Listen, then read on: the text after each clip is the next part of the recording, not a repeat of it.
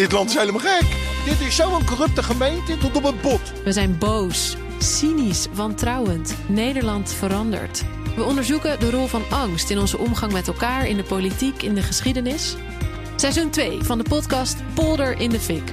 Waarom we zo bang zijn. Abonneer je nu in je podcast-app. Studio Den Haag. Ja, als je de schepping even wegdenkt en de medisch-ethische kwesties overslaat, dan zou het verkiezingsprogramma van de ChristenUnie zomaar een wat scherper programma van de Partij van de Arbeid GroenLinks kunnen zijn. We moeten bouwen aan zorgzame gemeenschappen, er moet rust in het huishoudboekje komen en het minimumloon moet van 12 naar 18 euro per uur. Maar ook, en dat zal niemand verbazen, het gezin staat centraal bij de ChristenUnie. Terug van weg geweest, bijvoorbeeld een minister voor het gezin. Daar gaan we over praten. In onze studio in Den Haag staan politiek verslaggever Mats Akkerman en Tweede Kamerlid Pieter Gimwis, nummer 2 op de ChristenUnie-lijst, die ook meeschreef aan het verkiezingsprogramma. En dat werd vandaag gepresenteerd. Welkom allebei. Goedemiddag. Pieter Ginwis, ja, u schreef mee aan dat programma. En het motto op de eerste pagina, dat komt uit het Bijbelboek Prediker, hoofdstuk 4, vers 10 en 12. Ja, wij zijn niet heel bijbelvast bij BNR, maar wat staat daar? Nou, daar staat dat als er twee vrienden met elkaar zijn en één van hen valt, ja, dan helpt de ander hem toch weer overeind. En dat drukt, en het gaat er nog even verder. En dat drukt uit dat wij als ChristenUnie zo naar de samenleving kijken. Dat we elkaar tot een hand en een voet horen te zijn. Dat we uiteindelijk bestaan in relatie tot een ander. En dat we zo tot bloei komen. En zo kijken wij naar de samenleving als een gemeenschap. En niet als een verzameling van losse individuen. En is dat dan ook het belangrijkste thema wat u betreft uit het programma? Nou, dat draagt in ieder geval ons denken en dat draagt ook de voorstellen. En uiteindelijk is dat ook het belangrijkste uh, uh, thema. Hè. Tegenwoordig uh, klinken er woorden als een contract. Nou, wij pleiten voor een nieuwe verbondenheid. Omdat wij de samenleving zien als een gemeenschap, als een verbond eigenlijk tussen de mensen en van ja. de mensen. En ja, je zou ons kunnen typeren als inderdaad sommige voorstellen stellen zijn misschien wat links in het politieke spectrum, de andere wat, wat, wat conservatiever. wij zeggen, wij zijn echt een partij van de samenleving. De partij en de voorstellen zijn erop gericht om het samenleving eigenlijk weer nou ja, makkelijker te maken, maar ook dienstbaar, meer dienstbaar aan elkaar. Hm. Nou, durft u nou gewoon geen kant te kiezen? Een beetje links, een beetje conservatiever. U wil uh, alle, alle kiezers uh, uh, aan, aan u weten te binden, hoor ik. Ja, natuurlijk, ze zijn allemaal welkom. Welkom, dat, uh, dat lijkt me duidelijk. Nee, uh, volgens mij zijn wij van oudsher een driestromenland. We zijn niet alleen uh, liberaal van de markt en de, het socialisme van de staat. Nee, we, van oudsher hebben we ook echt christelijk sociaal denken van de gemeenschap, van de samenleving. En wij staan voluit in die traditie van een partij die uiteindelijk zijn vertrouwen zet op het samenleven en daar ruimte aan geven. En ook echt ruimte ja. geven om die keuzes te maken. En dat gaat over een alleenstaande, dat gaat over het gezin, dat gaat eigenlijk samenlevensbreed. Mats, jij hebt het gelezen. Het is een dik programma. Wat viel jou op als eerste? Ja, 132 pagina's en volgens mij het kleinste lettertype dat ik tot nu toe heb gezien. Maar ik moet eerlijk zeggen, en dat zei ik net ook al tegen Pieter Grimmis, wel veel concrete dingen staan erin, concreter dan bij andere partijen. Uh, dingen als bijvoorbeeld een minister voor gezinszaken, die overkoepelend gezinsbeleid moet gaan voeren.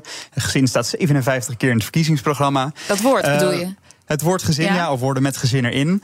Um, opvallend betaald mantelzorgverlof, hè, zodat je dus in staat wordt gesteld om te zorgen voor het gezin. Nou, je snapt ook wel als je dat leest dat Rutte 4 is gevallen, omdat ze er niet uitkwamen op het gebied van het beperken van gezinshereniging. Daar is de ChristenUnie is, was en is stellig tegen.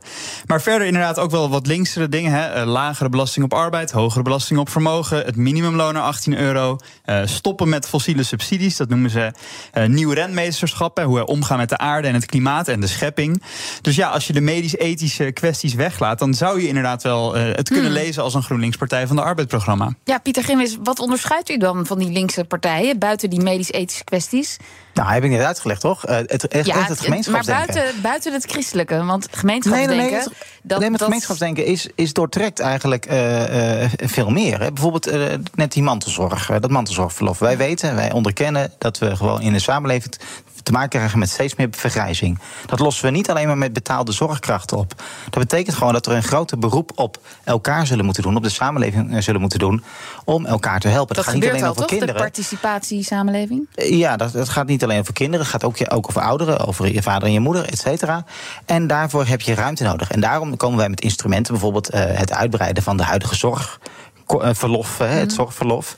Uh, om mensen echt in staat te stellen dat te doen.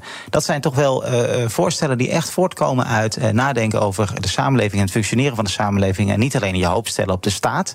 En onderscheidt ons toch wel van, van GroenLinks PvdA. En ja, dat klopt. Hè, op veel punten kunnen wij elkaar goed de hand geven. En kunnen wij misschien wel makkelijker samenwerken met die combinatie op veel punten. Zoals minimumloon of belasting van vermogen dan met de VVD. Hm. dat is de af, ons de afgelopen jaren ook gelukt. En opgebroken. Dus wij zijn zeker niet, ja, maar wij zijn niet in één hokje te plaatsen. Maar wel degelijk, ja, wij zien veel verbondenheid ook met andere partijen. Nou, dat is toch mooi als we zo kunnen samenwerken. Ja, en het was heel concreet, het programma, zei Mats al, als uh, compliment. Laten we in dat, dat punt van bijvoorbeeld um, uh, betaalde mantelzorgverlof, de uitbreiding daarvan.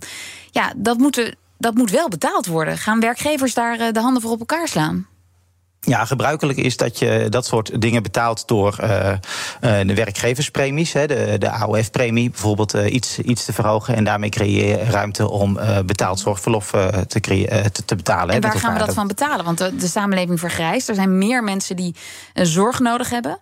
Um, nou ja, dit, dit is dus een faciliteit gewoon in, de, in, in, in, in een CAO.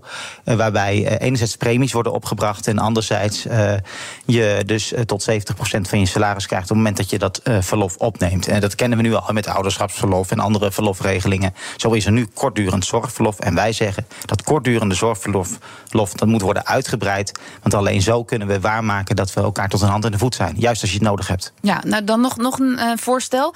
U wilt, net als veel andere partijen trouwens, van de belastingtoeslagen af. Zeker. Alleen de huurtoeslag die mag blijven, maar dan als subsidie. Um, kunt, u, kunt u heel simpel uitleggen wat dat betekent voor het belastingstelsel? Ja, dat is een hele grote operatie. Dat is een hele grote operatie. Uh, de, de, het kernprobleem eigenlijk van het huidige toeslagenstelsel is, naast dat het enorm complex is, dat je als gebruiker zomaar kan worden geconfronteerd met een enorme hoge terugbetaling en terugvordering, omdat je inkomen net iets hoger is, bijvoorbeeld, dan je vooraf had ingeschat. Dat stelsel, daar willen we vanaf. En de eerste stap, uh, en, en het liefst zo snel mogelijk met alle toeslagen. Wij hebben dat goed bestudeerd en geconstateerd, ja, voor de huurtoeslag is heel moeilijk om dat op in één keer af te schaffen, want daar daarmee, uh, dat is heel moeilijk om die mensen precies tegemoet te komen. En dus zeggen wij voor die toeslag. Um, maakt daar weer de ouderwetse huursubsidie van op basis van vastgesteld inkomen van twee jaar geleden is dat dan, uh, zodat je niet meer hoeft terug te betalen op het moment dat je inkomen iets stijgt. Maar los van die toeslagen, huurtoeslag, precies, want er is nog kinderbijslag, uh, zorgtoeslag. Ja, ja. zorgtoeslag, kinderbijslag, kindgronde budget uh, en kinderopvangtoeslag, dat is natuurlijk al afgesproken. Die kunnen in principe gewoon allemaal weg door het anders op te lossen. En onze centrale oplossing is: creëer nou één basiskorting. Een soort van eerste deel van je inkomen. Mm. waarover je geen belasting hoeft te betalen. En als je minder verdient dan die korting. dan krijg je dat uitgekeerd van de Belastingdienst. Dat is in essentie ons voorstel. En zo kunnen we van heel veel, van heel veel uh, toeslagen gewoon af en het veel simpeler maken. En dan moeten we gewoon zorgen dat mensen aan de bovenkant van het inkomensgebouw die dat ook krijgen, wat meer belasting gaan betalen. En dan heb je een veel simpeler en eenvoudiger systeem, wat veel beter is uit te leggen. En waaraan je ook meer overhoudt op het moment dat je een uurtje extra gaat werken. Want nu is het zo dat ongeveer, uh, ja, soms wel 70, 80 procent van die van die euro, dus 70 tot 80 cent van die ene extra euro die je verdient, ja, de marginale druk. bent. Exact, de ja. marginale druk die is extreem. Maar dan hoor ik u zeggen dat de mensen die meer belasting betalen, die gaan ook iets meer betalen, want die gaan ook deze belastingkorting die u voorstelt voor de minder verdienende betalen. Ja, je, uh, je ziet gewoon dat, dat. Wij hebben het zo simpel mogelijk gemaakt. Dus inkomensonafhankelijk. Dus iedereen krijgt op basis van het aantal leden in een huishouden. Dus volwassenen en kinderen krijg je hm. zo'n uh, korting. Ja. En um, uh, uiteindelijk gaat het tarief, het belastingtarief uh, voor de hoogste inkomens iets omhoog. Maar het meeste geld halen wij op door de toeslagen te schrappen, door de huidige, al die huidige kortingen die er in het uh, belastinggebouw zitten, algemene heffenskorting, et cetera, af te schaffen. En ook voor, van, van vermogenden met hypotheekrente aftrek, ja. afschaffing, et cetera, ja. En Liesbeth, er komt ook voor mensen met een vermogen van meer dan een miljoen, komt er dan een belasting van Zeker. 1%. Maar dat staat in het verkiezingsprogramma mooi verwoord. Wie meer heeft, maakt zijn tafel langer en deelt om het leven van anderen te vergemakkelijken. Vond ik een, mooie zin. Dat is een hele mooie christen in die zin. Ja, ja, ja. Eh, meneer Gimwis, ja, het is een hele ambitieuze hervorming. Kost ook heel erg veel geld. Kan de Belastingdienst dat allemaal aan? Nou, dat kon de Belastingdienst de afgelopen jaren niet aan. Uh, want dit was ook al deels uh, onze inzet uh, bij de vorige verkiezingen in 2021. Toen was het eerste gesprek met de Belastingdienst tijdens de formatie. Sorry, computer 6 no. Maar ze zeiden wel, vanaf 2027 28 kunnen wij dit wel. Dus onze inzet is om nu in ieder geval niet langer te talmen. En de volgende periode echt de eerste stappen te zetten.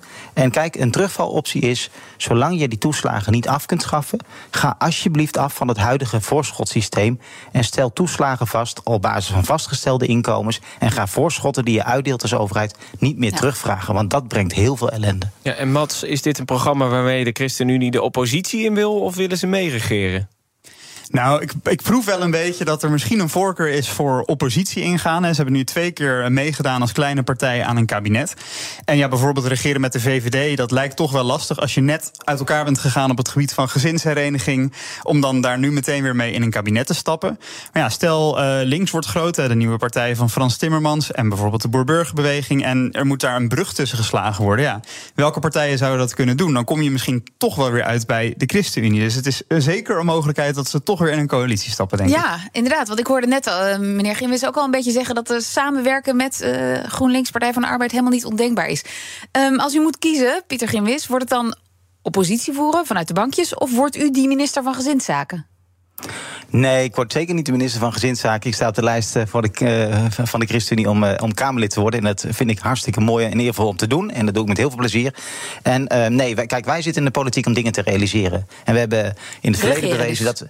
Nee, en we hebben in het verleden bewezen dat het zowel vanuit de oppositiebankjes als vanuit de coalitiebankjes kan. Dat maakt voor mij geen verschil. Ik ben jarenlang raadslid geweest in, als oppositieraadslid in de gemeenteraad van Den Haag. En met die ene zetel toen heel veel tot stand kunnen Maar brengen. als u dus vraagt waarom om niet te in de toekomst? wordt er dus wel eerst nog even gepraat?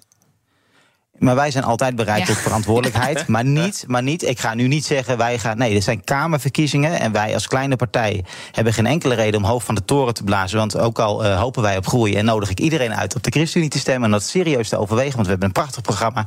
Maar wij zijn niet, eh, ja, nee, wij zijn niet van de partij die hoog van de toren Nee. gaat blazen. Van wij horen daar of daar. Nee, wij zijn een groep om verantwoordelijk te zijn. En we hebben goede plannen. En die kunnen we verwezenlijken, zowel vanuit de coalitie en ook wel vanuit de Nou, oppositie. aan uw want ik weet pleidooi zeker. ligt het niet. Dank u wel. Nee, dank u wel. Dank u wel. ChristenUnie-Kamerlid Pieter Gimwits. En vanuit Den Haag politiek verslaggever Mats Akkerman.